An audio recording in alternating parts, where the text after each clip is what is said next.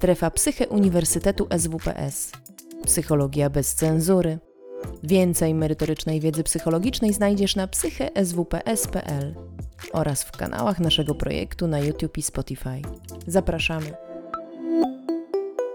Dzisiaj chciałabym e, Państwu opowiedzieć o tym, jakiej przemocy doświadczają dzieci, e, jakie są tego konsekwencje, czynniki e, ryzyka i czego nie wiemy.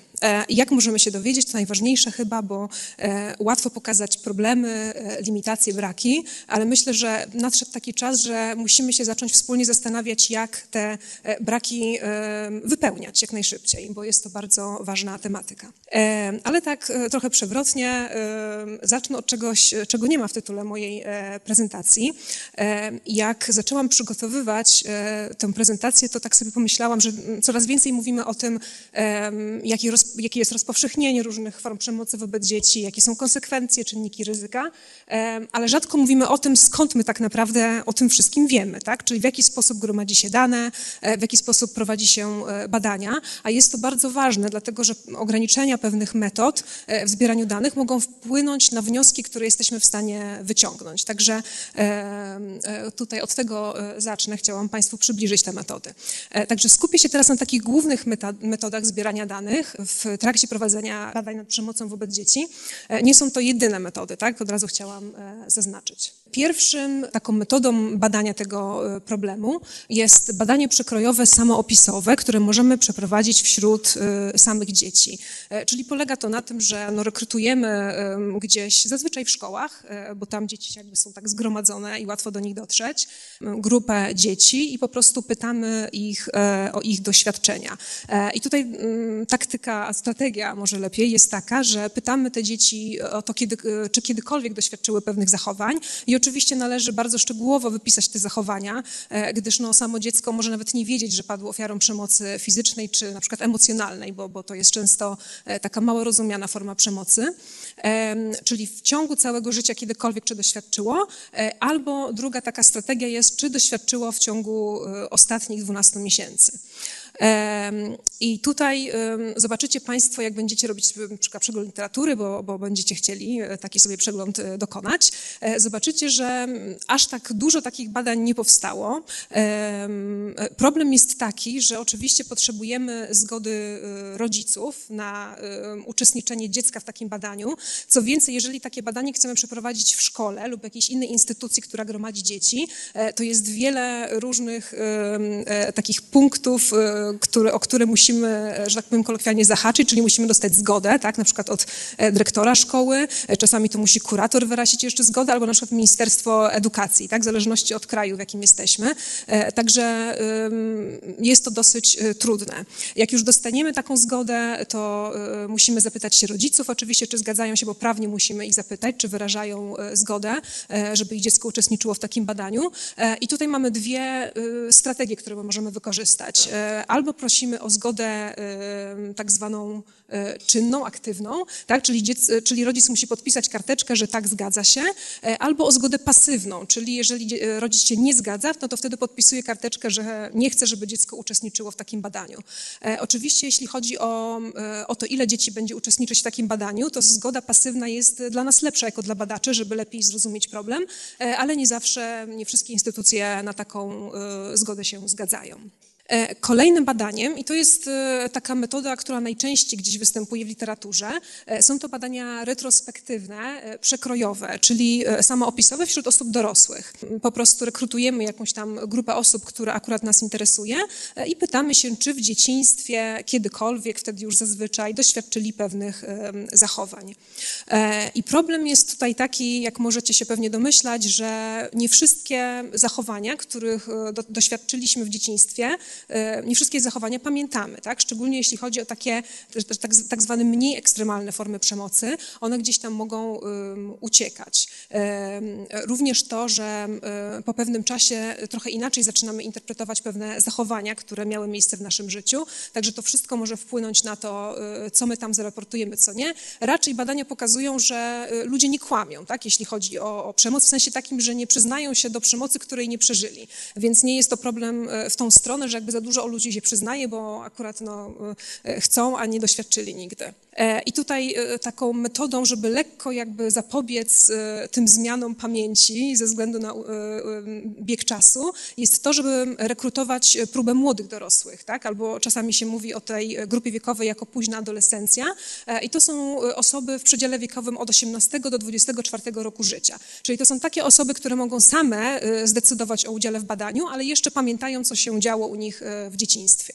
E, kolejną metodą, e, którą wykorzystujemy, są też wywiady, tak, tak zwane wywiady twarzą w twarz. E, tylko tego typu metody są, raczej nie są wykorzystywane, żeby ustalić, jakie jest rozpowszechnienie przemocy wobec dzieci, bo oczywiście nie jesteśmy w stanie dogłębnie, dogłębnych rozmów przeprowadzić z bardzo dużą, reprezentatywną próbą osób, które nas interesują. Także takie metody wykorzystuje się na przykład, jeżeli chcemy coś nowego, lepiej zrozumieć, mieć jakieś e, bardziej dogłębne e, e, zrozumienie jakiegoś problemu konkretnego związanego z przemocą wobec dzieci nas interesuje. I tutaj pojawia się też problem, jakim jest poczucie wstydu. Tak? Nie wszystkie osoby zdecydują się na udział w takim badaniu, gdyż nie chcą twarzą w twarz z badaczem omawiać tego, że przeżyły przemoc. Bardzo często przemoc seksualna wzbudza taką, takie właśnie poczucie wstydu, szczególnie wśród mężczyzn. Jeszcze za chwilę do tego wrócę. E, badania prospektywne, tak, to są takie badania, gdzie rekrutujemy e, dzieci jak one są właśnie jeszcze dziećmi e, e, i później wracamy do nich co ileś lat tak? i patrzymy, jak się rozwijają, czyli zbieramy informacje na temat tego, jakiej przemocy doświadczają i to są informacje zazwyczaj z bardzo wielu źródeł. Nie tylko pytamy się same dzieci, ale też patrzymy, czy jakieś raporty były oficjalne, w zależności znowu od kraju, w różnych miejscach takie dane się gromadzi. Możemy również przeprowadzać wywiady z rodzicami, z nauczycielami. I tutaj jedna taka uwaga, jak Państwo będziecie czytać tego typu badania, czasami mamy informacje, że badanie właśnie podłużne, e, prospektywne, e, że rekrutowane były dzieci i co na przykład dwa lata badacze wracali do tych dzieci, a okazuje się, że tak i owszem, to było badanie podłużne, ale na celu miało e, zbadanie ogólnie rozwój dzieci, jak przebiega, a pytanie o przemoc w dzieciństwie zostało dołączone dopiero o wiele później, jak te osoby były już dorosłe. Więc samo pytanie o przemoc może się pojawić retrospektywnie, nawet w takich badaniach podłużnych. E, nie ma zbyt wiele badań e, podłużnych, którym taki, których takim głównym zainteresowaniem jest mierzenie przemocy wobec dzieci e, i jak potem ona wpływa na rozwój dziecka. Do tego też będę jeszcze wracać. Jaki jest problem z takimi badaniami? No na pewno etyka, trochę więcej o tym powiem pod koniec. E, trudno również utrzymać uczestników przez tak długi czas. E, podam taki przykład, jedno badanie, e, które jest, było przeprowadzone w Stanach Zjednoczonych. Tam dzieci były rekrutowane jako czterolatki, czterolatkowie i co dwa lata do tych dzieci wracano, aż do ukończenia przez nie 18 roku życia i później też już w wieku dorosłym, żeby zrozumieć, jak funkcjonują w dorosłości. Więc można sobie wyobrazić, że na pewno bardzo dużo uczestników badania po prostu tak, e, no, że tak powiem, gubi się tak, e, w, w trakcie e, samego badania. Także trzeba mieć to na pewno na uwadze i na pewno trzeba też rozważać kontekst danego społeczeństwa, danego kraju, jeżeli takie badanie byśmy planowali wdrożyć. Drugim problemem, taki problem e, może bardziej przyziemny, w ogóle związany e, z przeprowadzaniem badań naukowych, jest to, że takie badania wymagają bardzo dużego wkładu finansowego. E, I teraz, jeżeli nawet staramy się o granta na takie badanie podłużne wśród dzieci, żeby zobaczyć, prawda, jak się rozwijają, jak doświadczały przemocy, i załóżmy, że chcemy właśnie zrekrutować czterolatki i wracać do nich co dwa lata, aż do ukończenia 18 roku życia, myślę, że nie istnieje taki grantodawca, nie wiem, czy tak się mówi, który dałby komuś grant na tak długi okres, tak? Czyli e, polega to teraz na tym, że e, jakby inicjujemy badanie na jednym grancie, a potem co dwa lata, co trzy lata musimy pewnie odnawiać i szukać e, nowych środków. Czasami może się przydarzyć tak, że po prostu tych środków się nie znajdzie i badanie musi zostać przerwane, co oczywiście zawsze jest wielką szkodą, tak? Jeżeli się już tyle zainwestowało i czasu, i, i pieniędzy. Dobrze, no i takim ostatnią e, metodą, o której chciałam wspomnieć dzisiaj, to są oczywiście e, oficjalne e, rejestry instytucjonalne, na przykład rejestry policyjne, tak? czyli ile było zgłoszeń. W Polsce to chyba moja przedmówczyni może mnie tutaj poprawić, te niebieskie karty, tak? czyli ile było zgłoszeń zarejestrowanych w tej kategorii niebieskie karty, tam możemy się dowiedzieć właśnie ile przemocy, chodzi, statystyki związane z przemocą domową, przemoc wobec kobiet, wobec dzieci, również wobec mężczyzn oczywiście. E, problem tu jest taki, e, że oczywiście te statystyki oficjalne nie oddają skali problemu. Także oczywiście on jest e, zaniżony w takich statystykach oficjalnych i zazwyczaj przedstawia tylko tą najbardziej taką ekstremalną część przypadków przemocy wobec dzieci. I też może być taki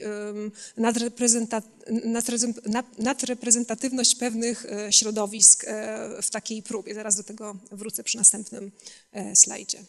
E, dobrze, skoro mamy e, tyle metod zbierania danych, e, no to jak zdecydować, która będzie najlepsza, czyli które dane najlepiej nam powiedzą, ile jest tej przemocy, jakie są jej konsekwencje i jakie są czynniki ryzyka, bo to są te takie najważniejsze pytania, które sobie zadajemy. Otóż istnieje taka metoda, że patrzymy sobie, porównujemy, tak, jakie różne metody zbierania danych, jak jakby ze sobą się porównują, tak, czy, czy są porównywalne w sensie te statystyki z różnych e, e, badań. E, no i wychodzi na to, że najwięcej takich przypadków, największa częstotliwość występowania przemocy wobec dzieci wychodzi nam w badaniach samoopisowych, tak? czyli kiedy sami zgłaszamy, czy przemoc w naszym miejscu miała życie, czy nie, czy to wśród dzieci, czy osób dorosłych. Mniej wychodzi, jeżeli pytamy się nauczycieli, czy rodziców. Tak? I to jest zrozumiałe, bo oczywiście jeśli chodzi o rodziców, to często tak jest, że to właśnie rodzice są sprawcami tej e, przemocy, zresztą pewnie najczęściej, e, więc jeżeli są sprawcami, no to niekoniecznie e, chcą się do tego przyznawać. Jeżeli porównujemy różnego typu y, dane samoopisowe, to najwyższą częstotliwość występowania przemocy e, pokazują nam e, badania wśród e, nastolatków. Wtedy rzeczywiście, jak porównujemy sobie te badania samoopisowe wśród dzieci i osób dorosłych, to okazuje się, że więcej, większa częstotliwość, jeżeli nastolatkowie o tym mówią.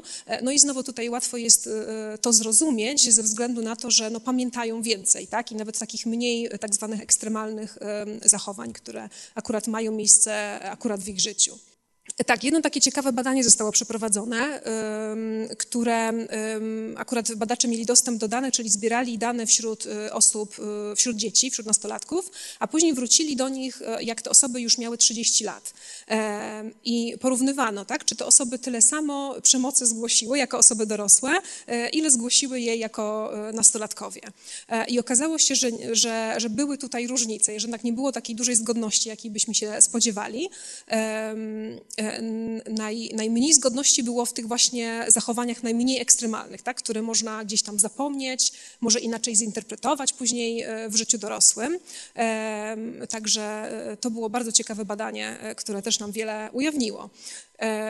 To badanie również nam pokazało, że co może mieć wpływ e, na osoby dorosłe, które raportują, czy doświadczały przemocy wobec dzieci, e, w, e, w dzieciństwie, przepraszam. Otóż okazuje się, że osoby, które doświadczają problemów natury psychologicznej, na przykład mają depresję czy stany lękowe, one więcej raportują przemocy w dzieciństwie. I to oczywiście może się wiązać z tym, że ta depresja jest teraz konsekwencją tego, że doświadczały przemocy w dzieciństwie, dlatego jej raportują więcej, ale też badacze wyjaśniają, że to może być tak, że jak doświadczają doświadczamy takich e, negatywnych przeżyć, negatywnych e, stanów emocjonalnych, to możemy doszukiwać się więcej jakby przyczyn w dzieciństwie i dlatego jakby potem nam się wydaje, czy tak mogę powiedzieć, że właśnie doświadczyliśmy czegoś w dzieciństwie, co mogło to spowodować. E, jeśli chodzi o te oficjalne rejestry, o których mówiłam już wcześniej, mogłoby się wydawać, że one będą na pewno wiarygodne, może nie pokażą nam skali przemocy e, jakby dla wszystkich dzieci w społeczeństwie, ale przynajmniej pokażą nam te najbardziej ekstremalne przypadki e, i na tej podstawie będziemy mogli badać, jak dojdziemy do tych osób, dotrzemy do tych osób, jak taka bardzo ekstremalna przemoc, jaki może mieć wpływ na jakby w życiu dorosłym. I tutaj również musimy uważać, bo badania pokazują, pokazują, że na przykład pracownicy socjalni, pracownicy opieki społecznej, przepraszam, jeśli tutaj coś przekręciłam, oczekują jakby więcej przemocy wobec dzieci w tak zwanych trudnych rodzinach, albo tak jak wcześniej było mówione, w rodzinach z tak zwanego marginesu społecznego. Więc jeżeli tylko widzą jakieś podejrzenie, że coś, tak się, nie, coś się nie tak dzieje z dzieckiem, to są bardziej skłonne te osoby zgłaszać po swoje podejrzenia, niż na przykład wobec podejrzenia wobec rodzin, gdzie na przykład rodzice są bardzo wysoko e, wykwalifikowanymi pracownikami, na przykład lekarzami, prawnikami, tak, to wtedy jakby e, boją się, bo boją się też odwetu. Także jest to na pewno duży problem, o którym musimy pamiętać nawet przy statystykach oficjalnych. E, dobrze, to jak już wiemy, w jaki sposób e, gromadzimy te dane, to spójrzmy sobie na to, co te dane nam mówią. E, I najpierw chciałam spojrzeć na rozpowszechnienie przemocy wobec dzieci i tutaj przytoczę ogólnoświatowe statystyki żebyśmy mieli takie pojęcie, ile dzieci doświadcza przemocy w dzieciństwie to e, taką instytucją, która bardzo dużo e, raportów publikuje na ten temat i bardzo dużo zbiera danych w tym zakresie, jest oczywiście Światowa Organizacja Zdrowia. I oni co kilka tam lat e, też aktualizują te statystyki. I tutaj akurat pokazuje takie statystyki, kiedy dorośli zgłaszali, czy w dzieciństwie doświadczali przemocy. I okazuje się, że 25% osób dorosłych, czyli jedna na cztery osoby, przyznaje, że doświadczała E, przemocy fizycznej w dzieciństwie. Także nie wiem, czy to jest dla Państwa dużo, mało, mało na pewno nie, ale w sensie, czy się spodziewaliście takiej e, liczby. 36% e, osób dorosłych przyznało, że doświadczało w dzieciństwie przemocy emocjonalnej, psychologicznej. Te dwa terminy są często używane ze sobą zamiennie. I tutaj e, myślę, że to może zacząć rosnąć w najbliższym czasie, dlatego że coraz bardziej rozumiemy też jako społeczeństwo, co to jest przemoc psychologiczna, jak może się e, objawiać i coraz więcej osób może ją zgłaszać. Taki przykład Państwu podam. E, w badaniach, które niedawno przeprowadziłam z moimi współpracownikami, nie kolaborantami, na Wyspach Karaibskich, wyszło, że ponad 65%, 65% dzieci przyznało, że doświadczało przemocy psychologicznej psychologicznej. Także no, jest to naprawdę bardzo duży odsetek e, e, dzieci. E, a dla porównania jeszcze na jednej z wysp na Grenadzie Patrzyliśmy na, statystyki oficjalne, mniej więcej w tym samym okresie, i tam przez cztery lata żadna, żaden przypadek przemocy emocjonalnej nie został zgłoszony do, na policję. Tak? Czyli jakby nie było tej przemocy na wyspie, a w naszym badaniu samoopisowym wśród dzieci e, okazało się, że 65% dzieci przyznało, że tak, takiej przemocy e, doświadcza. Jeśli chodzi o przemoc seksualną, e, to statystyki tutaj pokazują rozróżnienie. Tak? Jeśli chodzi o tą emocjonalną i fizyczną, to raczej kobiety, mężczyźni podobne procenty raportują, e, a przy seksualnej mamy to zróżnicowanie. E, I zaraz się do tego odniosę też. Światowa Organizacja Zdrowia mówi, że około 20% kobiet na świecie doświadcza przemocy seksualnej w dzieciństwie i w porównaniu mówi, że około 5-10% mężczyzn doświadcza przemocy seksualnej w dzieciństwie. E, tutaj oczywiście może być taki problem, że tak jak powiedziałam wcześniej, to poczucie wstydu, nawet w badaniach samoopisowych, więcej mężczyzn niż kobiet woli się nie przyznawać, nawet jeżeli doświadczyło. E, w zależności też od tego, e, w jakiej społeczności takie badanie przeprowadzamy, ale są społeczności, gdzie przyznanie się do doświadczania przemocy seksualnej w dzieciństwie jest taką dużą ujmą na, na tym, na to, na co te osoby postrzegają jako męskość, tak? że jakby pozbawione będą męskości e, we własnym rozumieniu tego słowa, że wolą się nie przyznać nawet sami czasami przed sobą. Także to może być ten problem, który może się odzwierciedlać w tych statystykach. I znowu wrócę do tego badania, które przeprowadziliśmy na Karaibach. E, tam się okazało, i to było coś zupełnie, czego się nie spodziewaliśmy, że więcej chłopców niż dziewczynek e, e, zgłosiło do, doświadczenia przemocy seksualnej. I to było chyba 20% chłopców przyznało się, że doświadcza takiej przemocy i w porównaniu do 15% dziewczynek. Czyli no, bardzo wysokie statystyki dla obu płci, ale no, to było coś, czego się nie spodziewaliśmy, bo jednak te światowe statystyki mówią, że to było, powinno być na odwrót odwrót, że tak powiem w cudzysłowie. I tutaj też szybciutko jeszcze z innego źródła chciałam e, pokazać i te statystyki są e, do siebie bardzo podobne.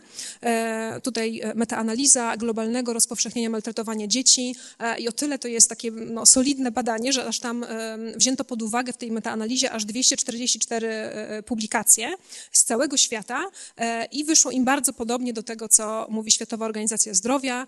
Tutaj jeszcze pojawiło się to pojęcie zaniedbywania dzieci, 18% 10% dzieci mówi, że e, jest zaniedbywanych, że było zaniedbywanych w dzieciństwie. I tutaj też chciałam zwrócić uwagę na to, że jak myślimy o przemocy wobec dzieci, to często myślimy właśnie o tej przemocy fizycznej i seksualnej. I to też wywodzi się z tego, że badania najpierw, jak zaczęto badać e, przemoc wobec dzieci, najpierw skupiały się na przemocy seksualnej, dlatego też mamy ich najwięcej. E, ona była często uważana za taką najbardziej poważną przemoc, dlatego ją pewnie najwięcej badano. Później dołączyła do tego zaraz e, przemoc fizyczna, e, no i dopiero gdzieś później e, już mniej badań istnieje na temat przemocy psychologicznej, a od niedawna dopiero zajmujemy się czymś takim jak zaniedbanie i zaniedbanie emocjonalne, fizyczne i coraz więcej form zaniedbania rozpoznajemy. Teraz, co takie badania mówią nam, jeśli chodzi o czynniki ryzyka przemocy wobec dzieci, czyli które e, dzieci w naszym społeczeństwie są najbardziej narażone na doświadczenie przemocy? Oczywiście są to badania bardzo ważne, e, dlatego że na ich podstawie jesteśmy w stanie szybko przeciwdziałać, e, wyłapywać, że tak znowu powiem potocznie, dzieci, które mogą doświadczać przemocy i wdrażać odpowiednie programy prewencyjne, interwencyjne wśród rodzin takich dzieci. E, jeśli chodzi o czynniki ryzyka, e, to oczywiście one są raportowane przez szereg indywidualnych badań, ale najczęściej zobaczycie Państwo, że one gdzieś e, się mieszczą, używa się takiej, takiego modelu ekologiczno-rozwojowego, żeby te czynniki ryzyka pogrupować. I najczęściej mamy trzy albo czasami cztery, zaraz dopowiem ten czwarty, bo nie napisałam, takie kręgi, bo to w formie kręgów się prezentuje, grupy czynników ryzyka. I pierwszy ten krąg najbliżej dziecka to jest właśnie charakterystyka dziecka i jego jej rodziców. E, I e, mówi się, że tutaj jakby im więcej czynników ryzyka z tego kręgu, najbliżej dziecku, tym e, bardzo jakby drastycznie wzrasta ryzyko, że to dziecko doświadczy przemocy. I tylko dla przykładu tutaj wymienię Państwu, że na przykład młody wiek dziecka i rodzica to jest taki czynnik ryzyka. To jest bardzo duży problem z kolei, jeśli chodzi o ten młody wiek dziecka, bo jak Państwo pewnie się domyślacie, nie jesteśmy w stanie przeprowadzić badań samoopisowych wśród bardzo małych dzieci, które jeszcze nie mówią, tak, które na przykład żyją głównie w rodzinie, e, nie są gdzieś e, w jakiejś innej instytucji, w której można by je zrekrutować albo zobaczyć, co się z nimi dzieje, a małe dzieci, domyślamy się, trochę wiemy, że doświadczają naprawdę dużo przemocy. Młody wiek rodzica, niepełnosprawność dziecka, Pochodzenie etniczne, tam gdzie oczywiście społeczeństwa są bardziej zróżnicowane etnicznie, również na to się patrzy, e, depresja rodziców, e, stres rodzicielski, e, o którym później Państwo również usłyszycie. Jeśli chodzi o ten dalszy krąg, czyli o całą rodzinę, to czynniki ryzyka takie jak ubóstwo, samotne rodzicielstwo, duże gospodarstwa domowe. I tutaj jeszcze chciałam szybciutko, szybciutko zaznaczyć, żeby tutaj nikt mnie źle nie zrozumiał, to nie czynniki ryzyka, które jakby bezpośrednio prowadzą do przemocy wobec dzieci. Tak? To nie jest tak, że ubóstwo powoduje przemoc lub samotne rodzicielstwo powoduje przemoc, ale są to czynniki ryzyka, które mogą prowadzić do podwyższonego stresu e, rodzicielskiego, ale w ogóle takiego stresu życiowego, e, a co za tym idzie, mogą prowadzić do takich e, przemocowych praktyk rodzicielskich, dlatego że rodzice po prostu są tak zestresowani i może nawet nie wiedzą lepiej, tak? nie potrafią inaczej z dzieckiem się komunikować. No i mamy również ten krąg e, społeczność, e, czyli e, charakterystyka jakby społeczności, sąsiedztwa, w jakim ta rodzina funkcjonuje, czy ta rodzina ma wsparcie społeczne, to jest również bardzo ważne. I czasami tutaj dochodzi czwarty krąg, który częściej gdzieś jest wymieniany w kontekście przemocy wobec kobiet. Ten kontekst kulturalny, kulturowy, tak? w zależności od tego, w jakim kraju, w jakiej społeczności ta rodzina mieszka, przebywa, pewne nastawienie, tak jak wcześniej było mówione o tym, że dużo ludzi akceptuje na przykład pewne formy przemocy, tak, dyscyplinowanie dzieci i to oczywiście też będzie miało bardzo duży wpływ. Czy sytuacja prawna w danym, w danym kraju, co jest zakazane, a co nie, to też będzie miało wpływ na to, jak dzieci są traktowane. E, I tak jak powiedziałam, bardzo dużo e, badań indywidualnych powstało na ten temat. E, bardzo mało jest badań takich kompleksowych, które jakby wszystkie czynniki ryzyka możliwe by badały. Oczywiście byłoby to bardzo trudne, żeby takie badanie stworzyć. Wymagałoby od nas zdobycia bardzo wielu informacji z wielu źródeł. Jeżeli to byłoby badanie również samoopisowe, to na pewno wymagałoby bardzo dużo czasu od każdego uczestnika badania. Dlatego właśnie mało jest takich badań bardziej kompleksowych w tym zakresie. E, ustalenia też są, e, e, tych badań też nie są jednolite, o tym też musimy pamiętać, czyli różne badania nam mogą pokazać różne rzeczy, niestety. I są różne powody ku temu. Po pierwsze, badania mogły dotyczyć różnych form przemocy wobec dzieci. Tak, tak jak powiedziałam, najwięcej tych badań powstało w zakresie przemocy seksualnej, przemocy fizycznej. Później do, zaczęły dopiero dochodzić badania nad zaniedbaniem, przemocą emocjonalną. Także to może mieć wpływ, e, jaką przemoc mierzymy. E, jak ją mierzymy, również może mieć na to wpływ. E, I taką też ważną rzeczą, myślę, żeby zaznaczyć, jest to, że większość z takich badań została przeprowadzona w krajach tak zwanych zachodnich, z dużą przewagą e, Stanów Zjednoczonych, tak? Czyli to, co wiemy tak naprawdę, często wiemy ze Stanów Zjednoczonych, niekoniecznie musi się to przenosić e, tak bezpośrednio na kontekst polski. Także na pewno takie badania w Polsce są jak najbardziej potrzebne.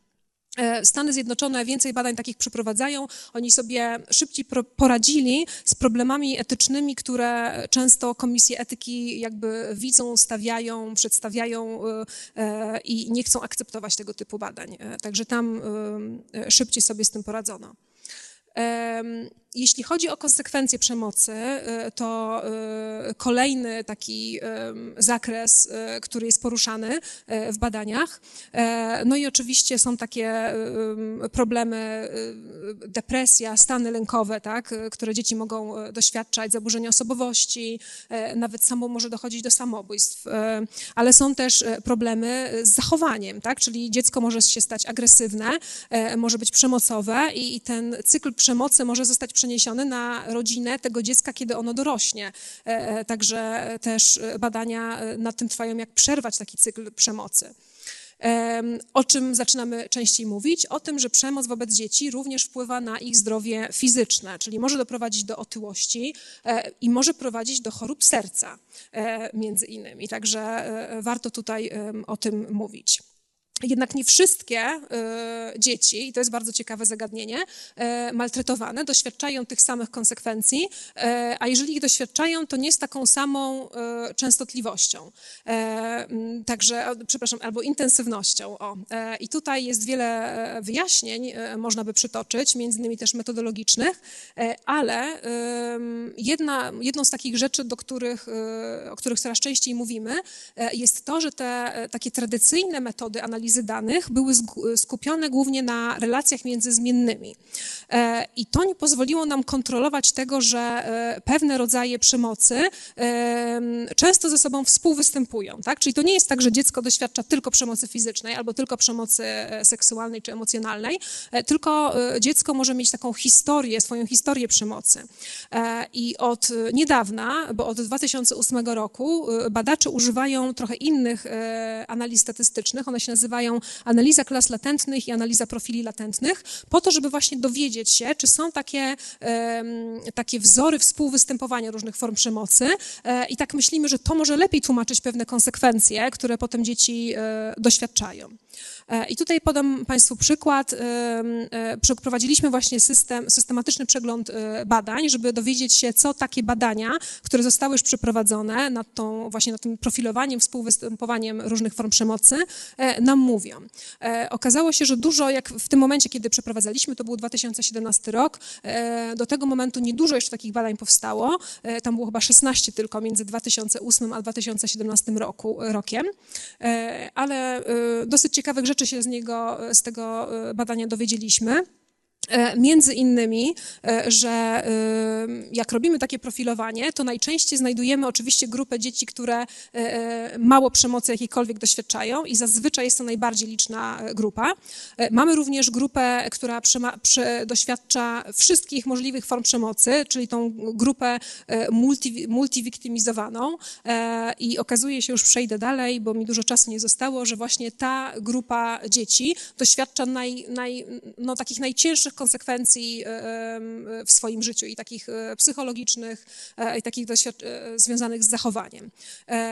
Co ciekawe, osoby, które doświadczyły przemocy emocjonalnej i fizycznej, czyli te dwie formy przemocy ze sobą powiązane, częściej wykazywały problemy zachowawcze niż takie właśnie zinternalizowane, depresja albo stany lękowe.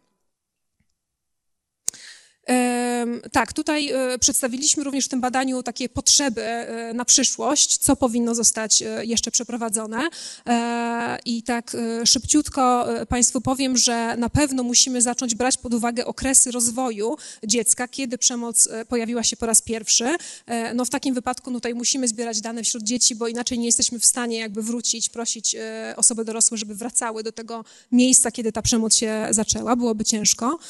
Również bardzo ważne ważnym aspektem jest relacja między ofiarą a e, sprawcą.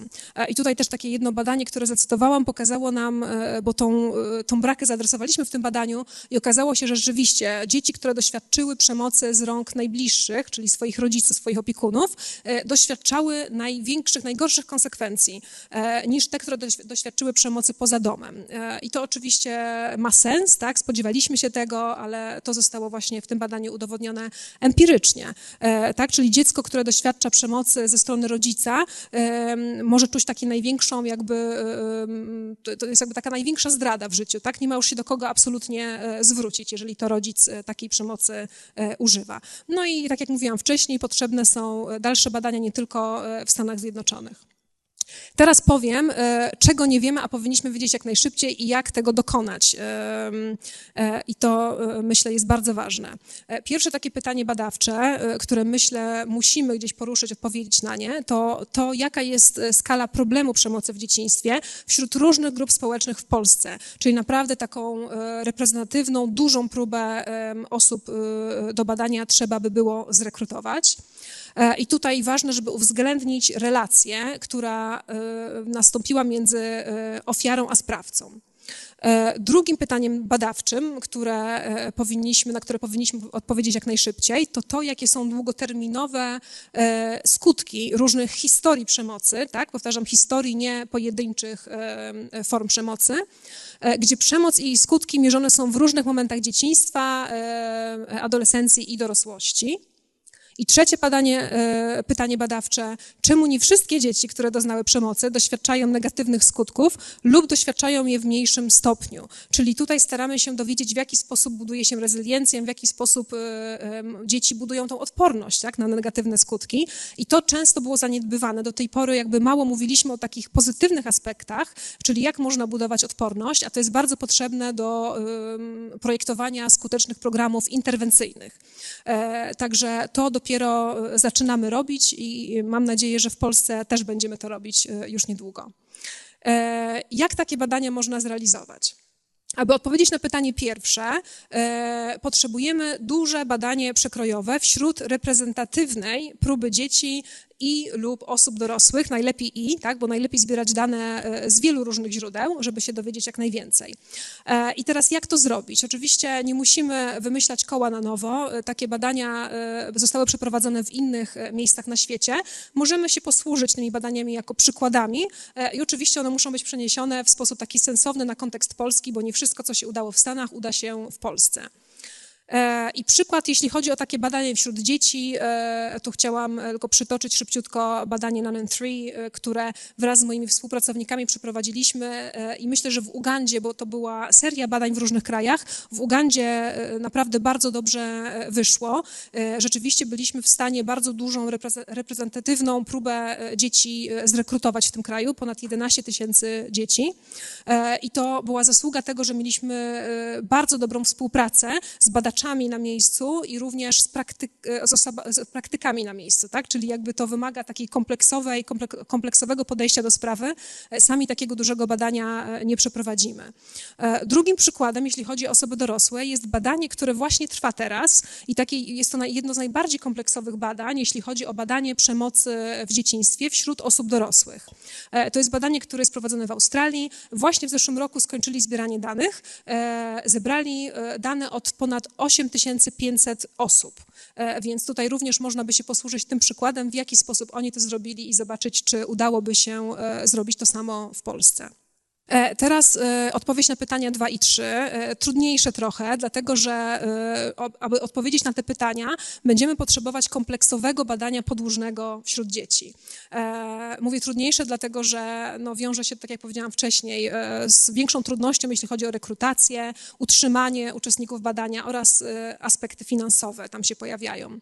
Co takie badanie powinno zawierać? E, na pewno regularne pomiary w różnych e, fazach rozwoju dziecka, nastolatka i dorosłości. E, wiele badań robi to co dwa lata, tak? czyli rekrutują dzieci, załóżmy w wieku szkolnym, przedszkolnym i co dwa lata do nich wracają. Pomiary funkcjonowania psychospołecznego, poznawczego, zdrowie fizyczne, zdrowie psychiczne, czyli nie tylko badanie samoopisowe, ale również badanie przez psychologa, badanie funkcji poznawczych, zbieranie danych od rodziców, od nauczycieli, wszystko, co jest tylko e, możliwe. E, również e, takim aspektem, który coraz częściej się pojawia w takich badaniach, są pomiary fizjologicznych reakcji na stres. I tutaj zbieramy pomiary kortyzolu i zmienności rytmu zatokowego, czyli tego coraz więcej na pewno potrzebujemy, bo one, te pomiary mogą nam wytłumaczyć taki mechanizm, który tłumaczy, jak przemoc doznana w dzieciństwie może prowadzić do tych negatywnych skutków w życiu dorosłym. E, I na koniec podałam przykłady e, takich badań podłużnych wśród dzieci przeprowadzonych z sukcesem w innych miejscach e, na świecie, aby móc się posłużyć nimi jako przykładami. Takim, myślę, najsłynniejszym badaniem jest badanie Longscan przeprowadzane w Stanach Zjednoczonych. To jest tak naprawdę konsorcjum badań. Zaczęło się w latach 90. od jednego badania, na które badacze z północnej Karoliny dostali fundusze i później coraz więcej instytucji przyłączało się do tego badania i oni używają po prostu e, takich samych metod badawczych, żeby gromadzić dane, przez co możemy porównywać e, występowanie przemocy w różnych częściach Stanów drugie badanie, The Young Adolescent Project, e, tutaj wypisałam dlatego, że jest to badanie, które e, wykorzystuje taką metodę bezpośredniego badania uczestników, czyli te dzieci są zapraszane na uniwersytet. Protokół zbierania danych trwa 4 godziny i te dzieci wracają co roku. Także to też przykład, jak można rzeczywiście spotkać się twarzą w twarz z uczestnikami. Kolejne badanie norweskie, które aktualnie się odbywa. Napisany został opublikowany protokół tego badania, także tutaj zachęcam, żeby się z nim zapoznać i o tyle to jest fajne badanie, że jakby używają e, to, co nastolatki, dzieci lubią najbardziej, czyli tablety, tak, jakieś e, komputery, czyli w taki sposób dane są zbierane, żeby dzieci zainteresować. I ostatnia rzecz, o której powiem, e, badanie ostatnie, które tak naprawdę nie ma swojej nazwy, tutaj podałam, żeby cokolwiek podać, ale jest to badanie, które myślę w świetny sposób, oni stworzyli tak zwaną półkolonię podczas wakacji i tam zostały zaproszone dzieci i oczywiście różne różne aktywności się odbywały, plus dodatkowo badacze y, y, zbierali dane od tych dzieci, które potrzebowali. Także myślę, że to też jest taki super pomysł, żeby móc utrzymać, zrekrutować i potem utrzymać y, uczestników badania. Oczywiście, jak są na to fundusze.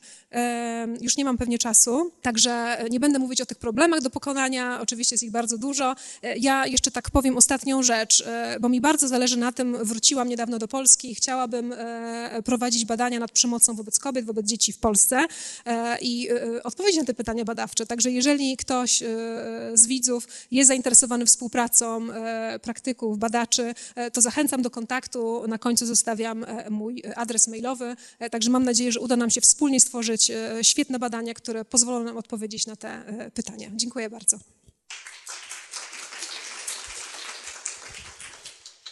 Dziękujemy bardzo Pani Profesor. Zapraszam na chwilę. Płynęło sporo pytań. Najpierw pytanie od Pani Sylwii, która zapytała o to, czy wiadomo coś o osobach, które kłamią w badaniach nad przemocą. Mhm. Czyli, jak rozumiem, pani Sylwii chodzi o osoby, które celowo zatajają prawdę chociażby. Mhm. Tak, dziękuję e, za to pytanie. E, tak, e, to badacze też również się nad tym zastanawiali, więc zostało to przebadane. Okazuje się właśnie, tak jak wspomniałam wcześniej, że nie, że jednak nie jest to problem w badaniach nad przemocą wobec dzieci, że raczej mamy niedoszacowanie tego występowania przemocy, czyli raczej osoby, które doświadczały się nie przyznają, niż osoby, które nie doświadczyły, przyznają się, że doświadczyły. Także raczej to nie jest problem. Okej, okay, dziękuję bardzo. E, e, pani Patrycja z kolei, e, odnosząc się do badań, które pani profesor omawiała, przywołuje badanie Dunedin z Nowej Zelandii i zadaje takie pytanie, czy w Polsce mieliśmy bada podobne badania, badania tego typu. Rozumiem, że chodzi o bardzo długie badania podłużne. Musiałabym tutaj jakby znać może nazwę badania, także jeżeli pani Sylwia chciałaby się zapytać bezpośrednio, to może poproszę o kontakt mailowy, to wtedy możemy porozmawiać Dobrze. o tym. W takim razie pani Sylwia, jeżeli pani słyszy, to rozwiązanie jest tu za, za płotem. E, czy badania naukowe określają, który typ przemocy wobec dzieci jest dla nich najbardziej destrukcyjny i najba najbardziej negatywnie wpływa na ich zdrowie psychiczne? Nie, to właśnie była taka próba określenia, taka była nawet teoria specyficzności, e, czyli zakładano, że być może, na początku jak prowadzono badania, że być może pewne formy przemocy prowadzą do, e, znaczy różne formy przemocy prowadzą do innych konsekwencji, e, w tym przemoc seksualna była uważana za taką najbardziej negatywną, prowadzącą do najbardziej negatywnych konsekwencji, ale okazuje się, że w jednych badaniach tak wychodzi, w innych badaniach zupełnie coś innego i tak jak mówiłam, właśnie okazuje się, że ważne może być współwystępowanie występowanie i interakcja tych różnych form przemocy ze sobą, to jedna rzecz. Druga rzecz, jak długo ta przemoc e, była doświadczana przez dziecko i z jaką intensywnością. I jeszcze kolejna rzecz, e, kiedy się zaczęła, w jakim okresie rozwoju dziecka i również kto jej dokonywał. Czy na przykład osoba najbliższa dziecku, ojciec, e, matka, czy ktoś z dalszej rodziny, czy na przykład nauczyciel. Tak? To wszystko wpływa na to, jakich konsekwencji doświadczają dzieci. Niestety powiem, bo no to wszystko po prostu prostu musimy brać pod uwagę, projektując badania, a jest ciężko, tak? Nie jesteśmy czasami w stanie e, wszystkiego kontrolować i mierzyć. Rozumiem, dziękuję. Kolejne pytanie, bardzo ciekawe, dotyczy warsztatu badacza chyba. E, bo pani Magdalena pyta tak, jakiego argumentu by pani użyła, albo pani używa, przekonując Komisję Etyki do tego, aby zezwoliła na przeprowadzenie badań o szerszym zakresie niż takie standardowe badania nad przemocą? Dziękuję bardzo za to pytanie, bo to jest rzecz, o której nie zdążyłam powiedzieć na końcu, bo mi się czas skończył. Także jednym z takich e, właśnie problemów e, przeprowadzania badań e, w takiej tematyce, ale nie tylko takiej, bo, bo też jeśli chodzi o myśli samobójcze na przykład, to też jest taki temat, które komisje etyki, którego komisje etyki nie lubią. W każdym razie pracowałam na, studiowałam i pracowałam na, na kilku już uniwersytetach w moim życiu i wiem, że niektóre komisje etyki są bardziej czułe na poruszanie takich kwestii, niektóre mniej jakby rozumieją potrzebę.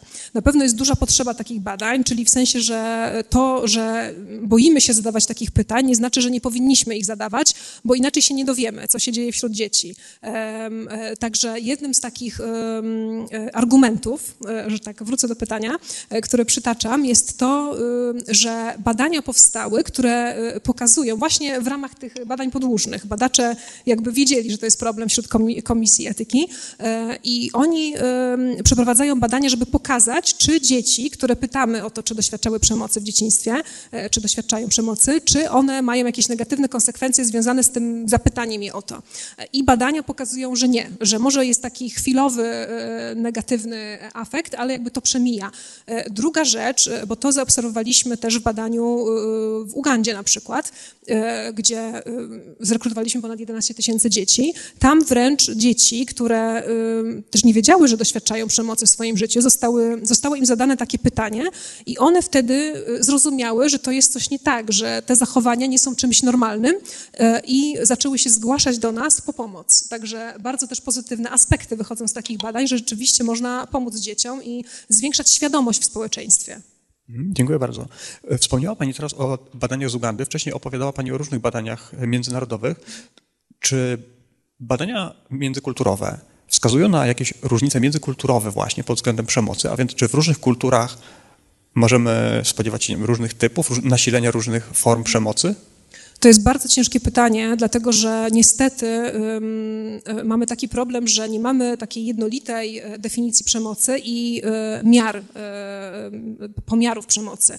Także w zależności od tego, w jaki sposób jakby ta przemoc została zdefiniowana, czasami to na podstawie prawa w danym państwie się definiuje, co tak nie do końca może wtedy jesteśmy w stanie odnieść do innych kultur, ale takie badania, które patrzyły na statystyki przeprowadzonych już badań w różnych krajach, w różnych rejonach świata, e, pokazują, że ogólnie nie, raczej nie ma takich różnic, że wszędzie e, dosyć sporo tej przemocy występuje. Ale tak jak mówię, coraz więcej badań prowadzimy, e, coraz lepszych myślę metodologicznie, więc myślę, że na to pytanie jeszcze przyjdzie nam odpowiedzieć. Też myślę, że dużo się zmieni za sprawą pandemii. Byliśmy zamknięci w domach, przemoc domowa narastała niestety i też przemoc wobec dzieci, więc myślę, że jeszcze raz będziemy musieli wrócić do tematu rozpowszechnienia przemocy e, właśnie po tym, co się wydarzyło przez ostatnie już, mhm. już straciłam rachubę czasu. Jakoś, Dziękuję. Jakoś tak. To ostatnie pytanie, jakie chciałbym zadać, dotyczy jednej z informacji, jaka pojawiła się na, mhm. na którymś ze slajdów. Dotyczy ona takiego mało znanego zagadnienia, czyli cech, które sprawiają, że niektóre dzieci doświadczające przemocy mhm. nie doświadczają z kolei silnego zaburzenia swojego funkcjonowania, adaptacji i trudności psychicznych. Mhm.